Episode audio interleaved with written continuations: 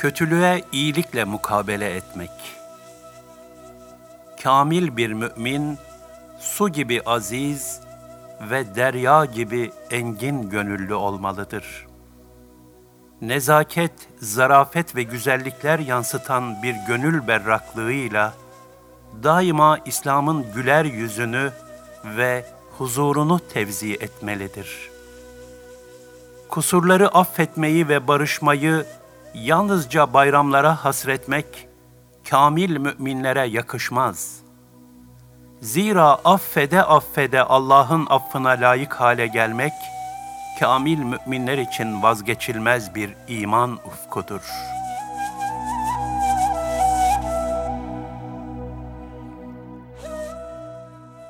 Kötülüğe iyilikle mukabele etmek. Yüce dinimiz İslam'ın her bir prensibi imanın hayata aksedişinden ibaret olan ahlaki güzellikler manzumesidir. Peygamber Efendimiz sallallahu aleyhi ve sellem ben güzel ahlakı tamamlamak üzere gönderildim buyurmuşlardır. Kamil bir mümin olabilmemiz için İslam'ın emrettiği ahlak ölçülerinde derinleşip onları hayatımızın her safhasına aksettirebilmemiz icap eder.'' Aksi halde insanlık haysiyetimizi zedelemiş ve ebedi saadetimizi ziyan etmiş oluruz. Peygamber Efendimiz sallallahu aleyhi ve sellem sahip olduğu yüce ahlakla beşeriyete bir faziletler medeniyeti armağan etmiştir. Evliyaullah da peygamberlerin sünnetini yani fazilet çizgisini büyük bir muhabbet ve sadakatle devam ettiren peygamber varisleridir.'' Peygamberlerin ve Evliyaullah'ın örnek ahlakı içindeki en mühim faziletlerden biri, Allah'ın kullarından gördükleri eza ve cefaları yine Allah için affedip, maruz kaldıkları kötülüklere iyilikle mukabele edebilmeleridir. Böylece Allah'ın kullarını şefkat ve merhametle gönül saraylarına alıp, onların viraneye dönmüş gönüllerini ihya etmeleridir.'' Bu ahlak aynı zamanda güzel bir son nefes müjdesidir. Ayet-i kerimede buyurulur. Yine onlar Rablerinin rızasını dileyerek sabreden, namazı dosdoğru kılan, kendilerine verdiğimiz rızıklardan gizli ve açık olarak Allah yolunda harcayan ve kötülüğü iyilikle bertaraf eden kimselerdir. İşte onlar var ya, dünya yurdunun güzel sonu sadece onlarındır. Er-Ra'd 22 Allah'ın merhametine ve affına nail olmak isteyen kimse, insanların kusurlarından geçmeyi ve kendisine yapılan kötülüğe bile iyilikle mukabele etmeyi şiar edinmelidir. Zira Rabbimizin insanlığa rehber olmak üzere lütfettiği peygamberler, mürşitler, alimler ve arifler daima bu güzel ahlakı sergilemişlerdir.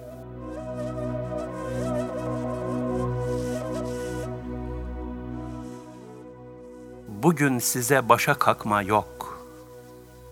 Kötülük yapanların af ve iyilikle ıslah edilmesine dair Kur'an-ı Kerim'de zikredilen en güzel misallerden biri, Yusuf aleyhisselamın kardeşlerine olan muamelesidir.'' Yakup aleyhisselam 12 oğlu içinden en çok Yusuf aleyhisselamda kendi manevi hususiyetlerini görmüş ve diğer çocuklarından ziyade gönlü ona meyletmişti. Bu hal kardeşlerinde ona karşı kıskançlık duygularının filizlenmesine sebep olmuştu. Hatta kardeşleri Hazreti Yusuf'u öldürmeye karar verdiler ve onu bir kuyuya attılar. Yusuf aleyhisselam oradan geçmekte olan bir kervan vasıtasıyla kuyudan kurtuldu. Fakat Mısır'a götürülüp köle olarak satıldı. Yaşadığı pek çok ağır imtihanın ardından zaman içinde Mısır'ın hazine nazırlığına kadar yükseldi. Kıtlık yıllarında erzak dağıtıyordu. Kardeşleri de erzak istemeye geldi. Hazreti Yusuf kendisinin kim olduğunu kardeşlerinden gizledi.'' Dilese onlardan rahatlıkla intikam alabilecek durumdaydı. Fakat onları ne cezalandırdı ne de azarladı. Bilakis onlara sayısız iyilik ve ikramda bulundu. Gördükleri bu fazilet karşısında onlar da sen Yusuf'sun. Allah hakikaten seni bizden üstün kılmış diyerek büyük bir mahcubiyet içerisinde gerçeği itiraf etmek mecburiyetinde kaldılar. Yusuf aleyhisselam da onlara bir başka fazilet daha sergileyerek, bugün size eski yaptıklarınız sebebiyle hiçbir başa kalkma ve ayıplama yok. Allah sizi affetsin. Şüphesiz O, merhametlilerin en merhametlisidir buyurdu.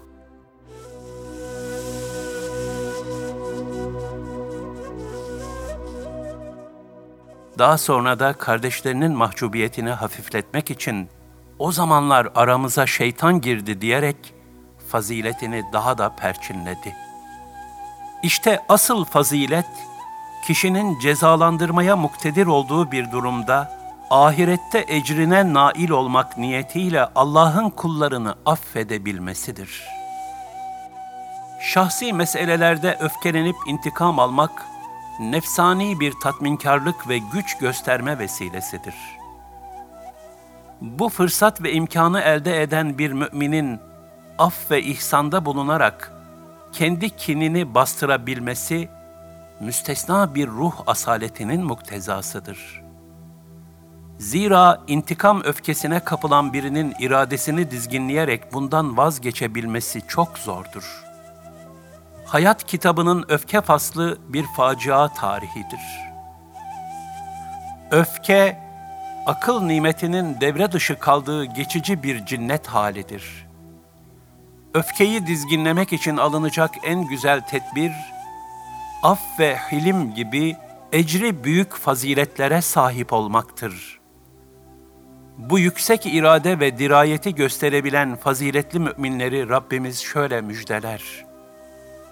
Rabbinizin mağfiretine ve takva sahipleri için hazırlanmış olup, genişliği gökler ve yer kadar olan cennete koşun. O takva sahipleri ki, bollukta da darlıkta da Allah için harcarlar. Öfkelerini yutarlar ve insanları affederler. Allah da muhsinleri, iyilik ve ihsan sahibi kullarını sever.'' Ali İmran 133-134 Yani müminin şahsına karşı işlenen bir kötülüğe İslam ahlakıyla mukabelesinde takip etmesi gereken üç adım vardır.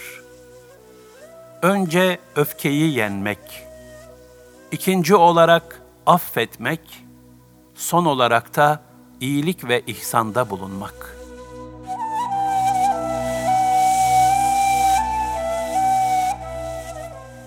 ben lanetçi olarak gönderilmedim. Peygamber sallallahu aleyhi ve sellem Efendimizin hayatı, kötülüğe karşı af ve iyilikle mukabele edebilmenin zirve tezahürleriyle doludur. O, alemlere rahmet olarak gönderildiği için, onun şefkat, merhamet ve muhabbeti bütün insanları ihata ederdi. Bir gün kendisinden eza ve cefalarından iyice bizar oldukları müşriklere lanet etmesini istediler. O ise ben lanetçi olarak değil, alemlere rahmet olarak gönderildim buyurdu.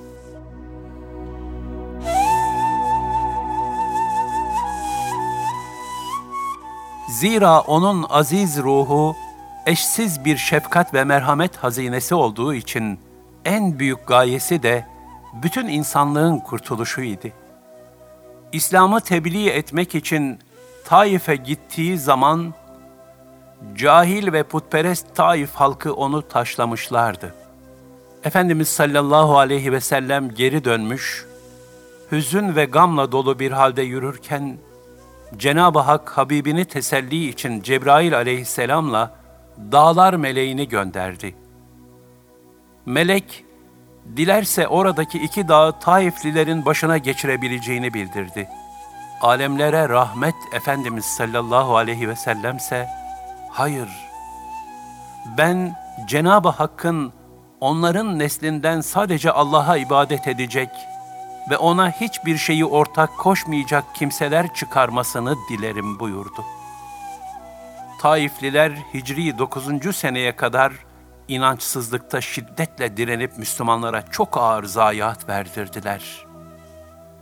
Nihayet Müslümanlar daha fazla dayanamayıp, Ya Resulallah, Sakif kabilesinin okları ve mızrakları bizi yaktı, perişan etti. Artık şunlara beddua etseniz diye ricada bulundular. Fakat Peygamber Efendimiz sallallahu aleyhi ve sellem, Ya Rabbi, Sakif kabilesine hidayet nasip eyle, onları bize gönder diye niyaz etti. Bir müddet sonra Taif halkı Medine-i Münevvere'ye gelerek İslam'la şereflendi.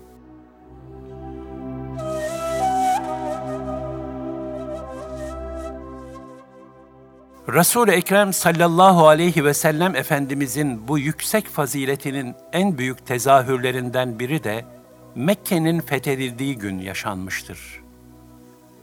Yıllarca Müslümanlara olmadık zulümlerle adeta kan kusturan ve terör istenen Mekkeli müşrikler, o gün Müslümanların eline düşmüştü. Efendimizin mübarek ağzından çıkacak bir emir, hepsinin hak ettiği cezayı bulması için kafiydi. Efendimiz sallallahu aleyhi ve sellem, Kabe'de toplanmış olan Mekkelilere, Ey Kureyş topluluğu! Şimdi benim sizin hakkınızda ne yapacağımı sanırsınız diye sordu. Kureyşliler, biz senin hayır ve iyilik yapacağını umarak, hayır yapacaksın deriz. Sen kerem ve iyilik sahibi bir kardeşsin. Kerem ve iyilik sahibi bir kardeş oğlusun dediler. Bunun üzerine Peygamber Efendimiz sallallahu aleyhi ve sellem, ben de Hazreti Yusuf'un kardeşlerine dediği gibi, size bugün eski yaptıklarınız sebebiyle hiçbir başa kalkma ve ayıplama yok. Allah sizi affetsin. Şüphesiz O merhametlilerin en merhametlisidir diyorum. Haydi gidiniz artık serbestsiniz buyurdu.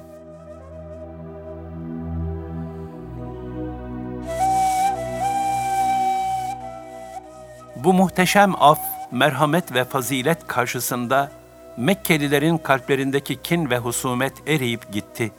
Onun yerine sevgi, dostluk ve samimiyet geldi. Gönülleri İslam'a ısınan nice insan hidayet şerefine nail oldu. O gün Mekkeliler üzerinde adeta şu ayeti kerimenin hakikati tecelli ediyordu.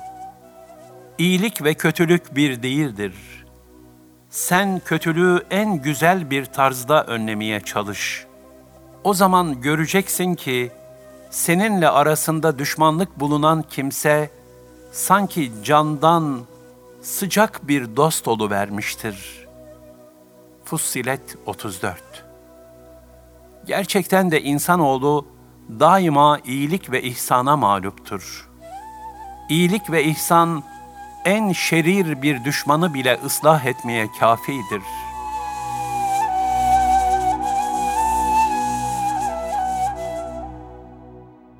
Belayı gidermenin çaresi İyilik yapanlara iyilik, fenalık yapanlara da fenalık yapmak meziyet değildir. Asıl meziyet, kötülük yapanlara da iyilik yapabilmektir.'' Zira iyilik yapılan kimse düşmansa dost olur. Ortadaysa yakınlaşır. Yakındaysa muhabbet ve samimiyeti ziyadeleşir. Kötülüğüne iyilikle mukabele edilen kimse için bu iyilik bir daha o kötülüğe dönmemesi için bir perde olur.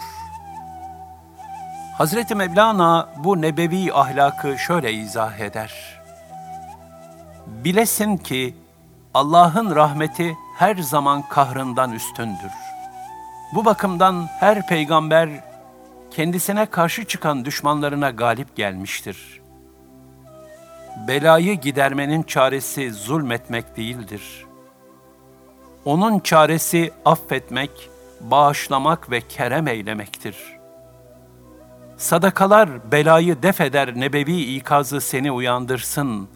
artık hastalık ve belaları tedavi usulünü iyi anla.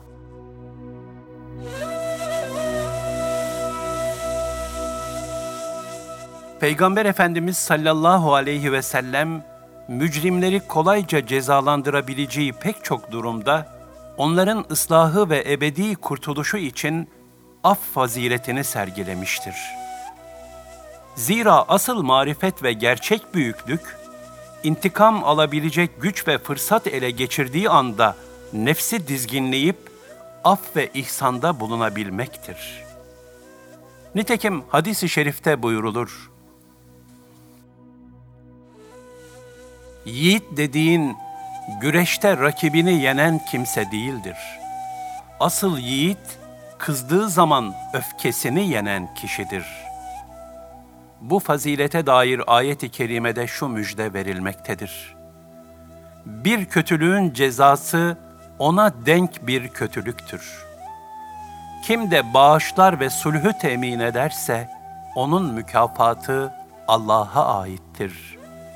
Eşşura 40 Hata ve kusurları affetmenin de ötesinde, sulh, sükun, dostluk ve kardeşliğin tesis edilebilmesi için kötülüğe dahi iyilikle muamele edebilmek, Resul-i Ekrem sallallahu aleyhi ve sellem Efendimizin alameti farikası idi. Onun ümmeti olarak bizler de bu hasletlere sahip olmalıyız. Kusurları affetmeyi ve barışmayı yalnızca bayramlara hasretmek, kamil müminlere yakışmaz.'' Bunu bir tabiatı asliye haline getirmek imanda kemalin alametidir. Peygamber Efendimizin bu husustaki yüksek ufkunu gösteren şu hadisi şerifler bütün Müslümanlara eşsiz bir ahlak ölçüsü takdim etmektedir. Hiçbiriniz ben insanlarla beraberim. Eğer insanlar iyilik yaparlarsa ben de iyilik yaparım. Kötü davranırlarsa ben de kötü davranırım diyen şahsiyetsiz kimselerden olmasın.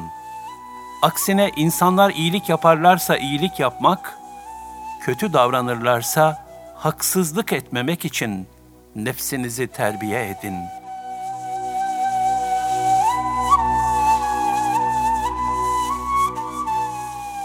Seninle ilgisini kesenden sen ilgini kesme. Sana vermeyene sen ver.'' Sana kötülük edeni bağışla. Nerede olursan ol, Allah'tan sakın. Kötülüğe karşı iyilik yap ki, kötülüğün kökünü kesesin. İnsanlara karşı da güzel ahlakla muamele et. Cennet bahçelerine bakan köşkler gördüm. Ve Cebrail aleyhisselama, bunlar kimin içindir diye sordum. O da her türlü kin, nefret ve öfkeyi bastırıp içine gömenlere ve insanların kusurlarını hoş görüp bağışlayanlaradır dedi.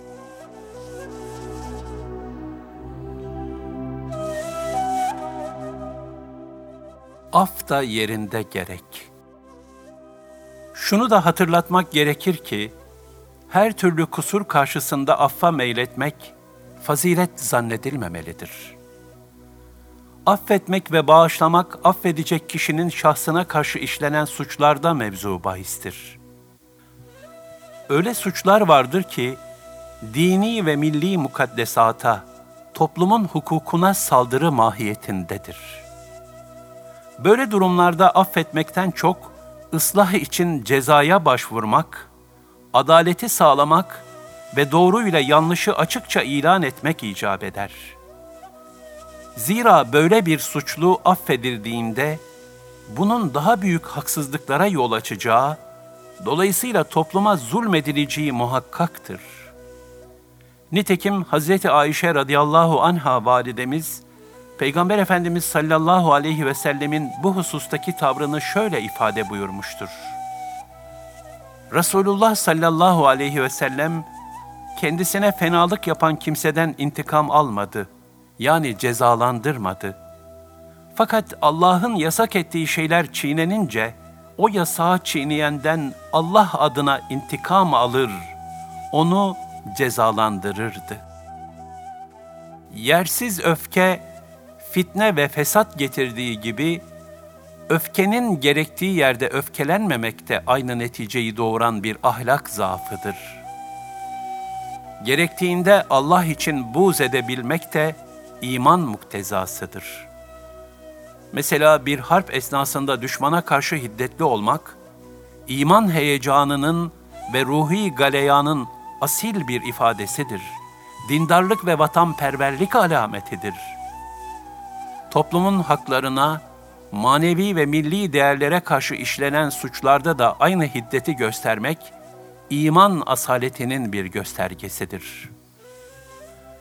Resul-i Ekrem sallallahu aleyhi ve sellem Efendimizin hayatı, işte böylesine yüksek fazilet ölçülerinin zirve tezahürleriyle doludur.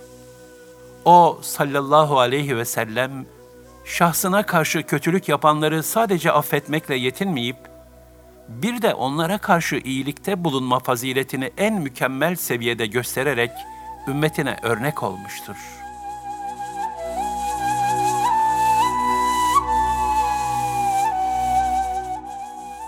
Allah'ın sizi bağışlamasını istemez misiniz? Allah Resulü sallallahu aleyhi ve sellem'de fani olan Hazreti Ebu Bekir radıyallahu anh de kötülüğe karşı af ve iyilikle muamelenin kabına varılmaz numunelerini sergilemiştir. Hazreti Ebu Bekir radıyallahu an Mıstah isimli bir fakire devamlı olarak yardımda bulunuyordu. Kızı Hazreti Ayşe'yi hedef alan ifk hadisesinde onun da iftiracılar arasında yer aldığını görünce bir daha ona ve ailesine iyilik yapmayacağına dair yemin etti. Hazreti Ebubekir radıyallahu anh'ın yardımı kesilince Mıstah ve ailesi perişan bir hale düştü. Bunun üzerine şu ayeti kerimeler nazil oldu. İçinizden faziletli ve servet sahibi kimseler, akrabaya, yoksullara, Allah yolunda hicret edenlere mallarından vermeyeceklerine dair yemin etmesinler. Affetsinler, bağışlayıp geçsinler.'' Allah'ın sizi bağışlamasını arzulamaz mısınız? Allah çok bağışlayıcıdır, çok merhametlidir. En-Nur 22 Yeminlerinizden dolayı Allah'ın adını iyilik etmenize, takva sahibi olmanıza ve insanların arasını düzeltmenize mani kılmayın. Allah her şeyi işiten, ve her şeyi bilendir. El-Bakara 224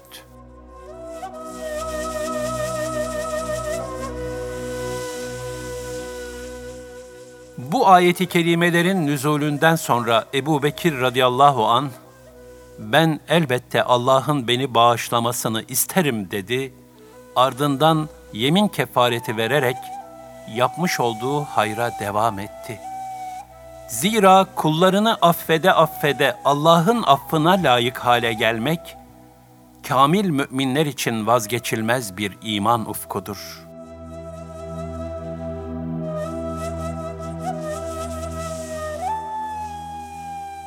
Kötülüğe karşı ne kadar iyilik? Bir gün ashab-ı kiram, Resul-i Ekrem sallallahu aleyhi ve sellem Efendimiz'e Hazreti Ali radıyallahu anh'ın niçin çok sevdiğini sordular. Serveri Alem Efendimiz Hazreti Ali'nin çağrılmasını emretti. Sahabilerden biri Hazreti Ali'yi çağırmaya gitti.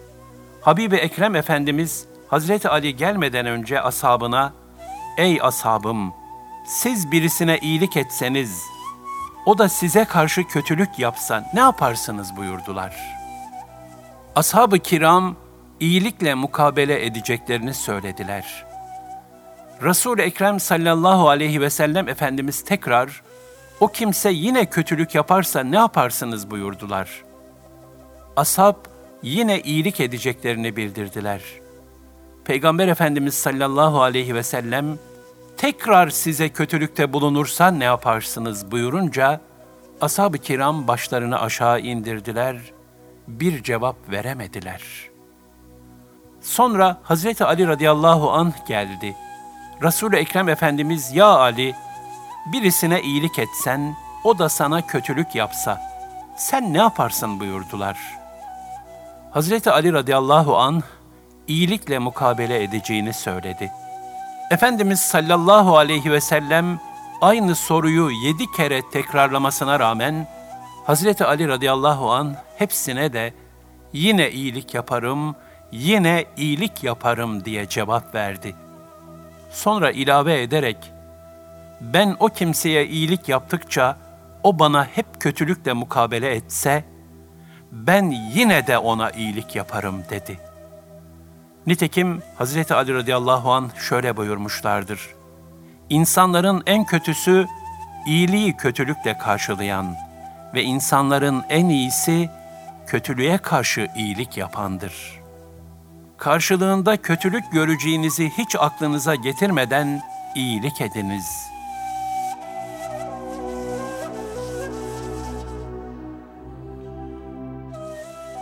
İnsan ihsana mağluptur. Nakledildiğine göre Hazreti Ali'nin torununun oğlu Ali'ye biri sövüp saydı. O ise sırtındaki sırma işlemeli elbisesini adama verdi ve bin dirhem daha verilmesini emretti. Bu hareketiyle onun beş fazileti birden sergilediği söylenir. Birincisi hilimdir. Zira öfkelenmedi. İkincisi eziyeti ortadan kaldırdı. Üçüncüsü adamı Allah'tan uzaklaşmaktan kurtardı. Dördüncüsü adamı pişmanlık ve tevbeye sevk etti. Beşincisi de kendisine hakaret etmekte olan adamı bu defa kendisini met etmeye başlatmış oldu. Yine adamın biri İbni Abbas hazretlerine küfretti. İbni Abbas radıyallahu anhuma sesini çıkarmadı. Sonra yanında duran İkrime'ye dönerek, bu adamın bir ihtiyacı varsa çaresine bakalım deyince, adam utancından başını yere eğdi.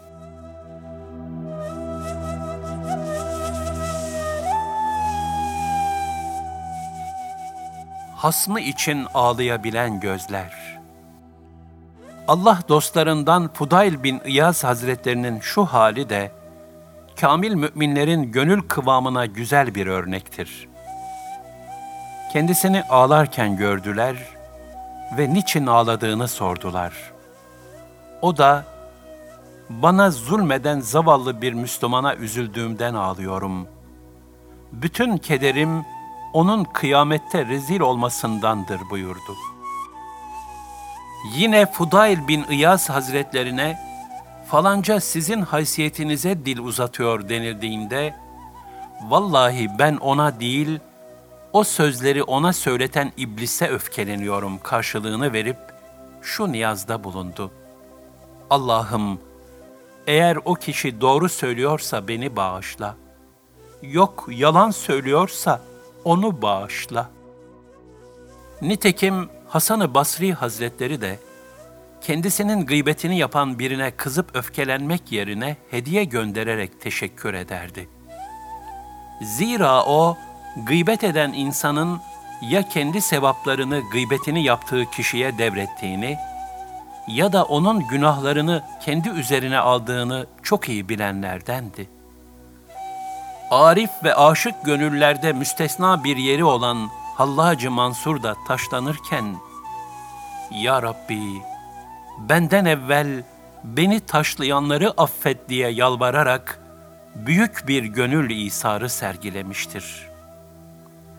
Rebi bin Haysem Hazretleri bir gün namaz kılarken, gözünün önünde 20 bin dirhem kıymetindeki atı çalındı. Fakat o, hırsızın peşine düşmek yerine, huzurla eda ettiği namazına devam etti. Onun bu büyük kaybını duyan dostları koşarak kendisini teselli etmeye geldiler. Hazret dostlarına, o adam atımı çözerken kendisini gördüm. Lakin ben o vakit daha mühim ve çok sevdiğim bir işle meşguldüm.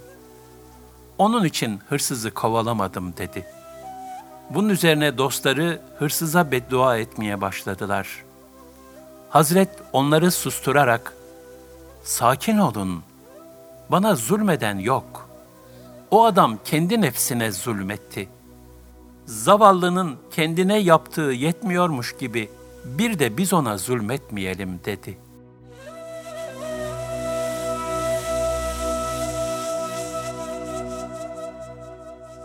Herkes kendi metaını satar. Hazreti İsa aleyhisselam tebliğ için bazı Yahudilerin yanına gitmişti. Yahudiler ona kötü sözler sarf etmeye başladılar. O ise bunlara karşı iyilikle ve tatlı bir üslupla konuştu. Kendisine, onlar sana kötü söylüyor, sense hala iyi söylüyorsun diyenlere de, herkes kendi metaını satar diye cevap verdi. Yani insanın bütün davranış, hal ve hareketleri iç aleminin aynasıdır.'' eğri cetvelden doğru çizgi çıkmayacağı gibi, gönül alemi berrak olmayan bir bedbahttan da güzel bir davranış beklemek beyhudedir. Niyetleri karanlık olanların yolları aydınlık olmaz. Her küp içindekini sızdırır. Bu itibarla kötülüğe kötülükle mukabele etmek, ham insanların davranış şeklidir.'' her halükarda iyilik yapabilmekse, kişinin iç aleminin ulaştığı ulvi seviyeyi gösterir. İnsanlara iyilik yapmanın da üç fazilet derecesi vardır. Birincisi, iyiliğe karşı iyiliktir. Yapılan bir iyiliğe en azından teşekkür etmek, insanın en tabii vazifesidir. Bundan daha değerlisi, iyiliğe daha büyük bir iyilikle karşılık vermektir. İkincisi, karşılık beklemeden iyilik etmektir. Böyle davrananlar, birinci basamaktakilerden daha üstün kimselerdir. Üçüncüsü ve en değerlisi de, kötülük edene iyilik etmektir. Zira her hayrın fazileti, onun zorluğu nispetindedir.'' kötülüğüne maruz kalınan birinin iyiliğini isteyebilmek son derece zor bir iştir. Bunun içindir ki iyiliğe iyilik her kişinin, kötülüğe iyilikse er kişinin kârıdır denilmiştir. Mevlana Hazretleri ne güzel buyurur. Suyun yüzlerce kerem ve ihtişamı vardır ki, kirlileri kabul eder.'' ve kirlerini temizler.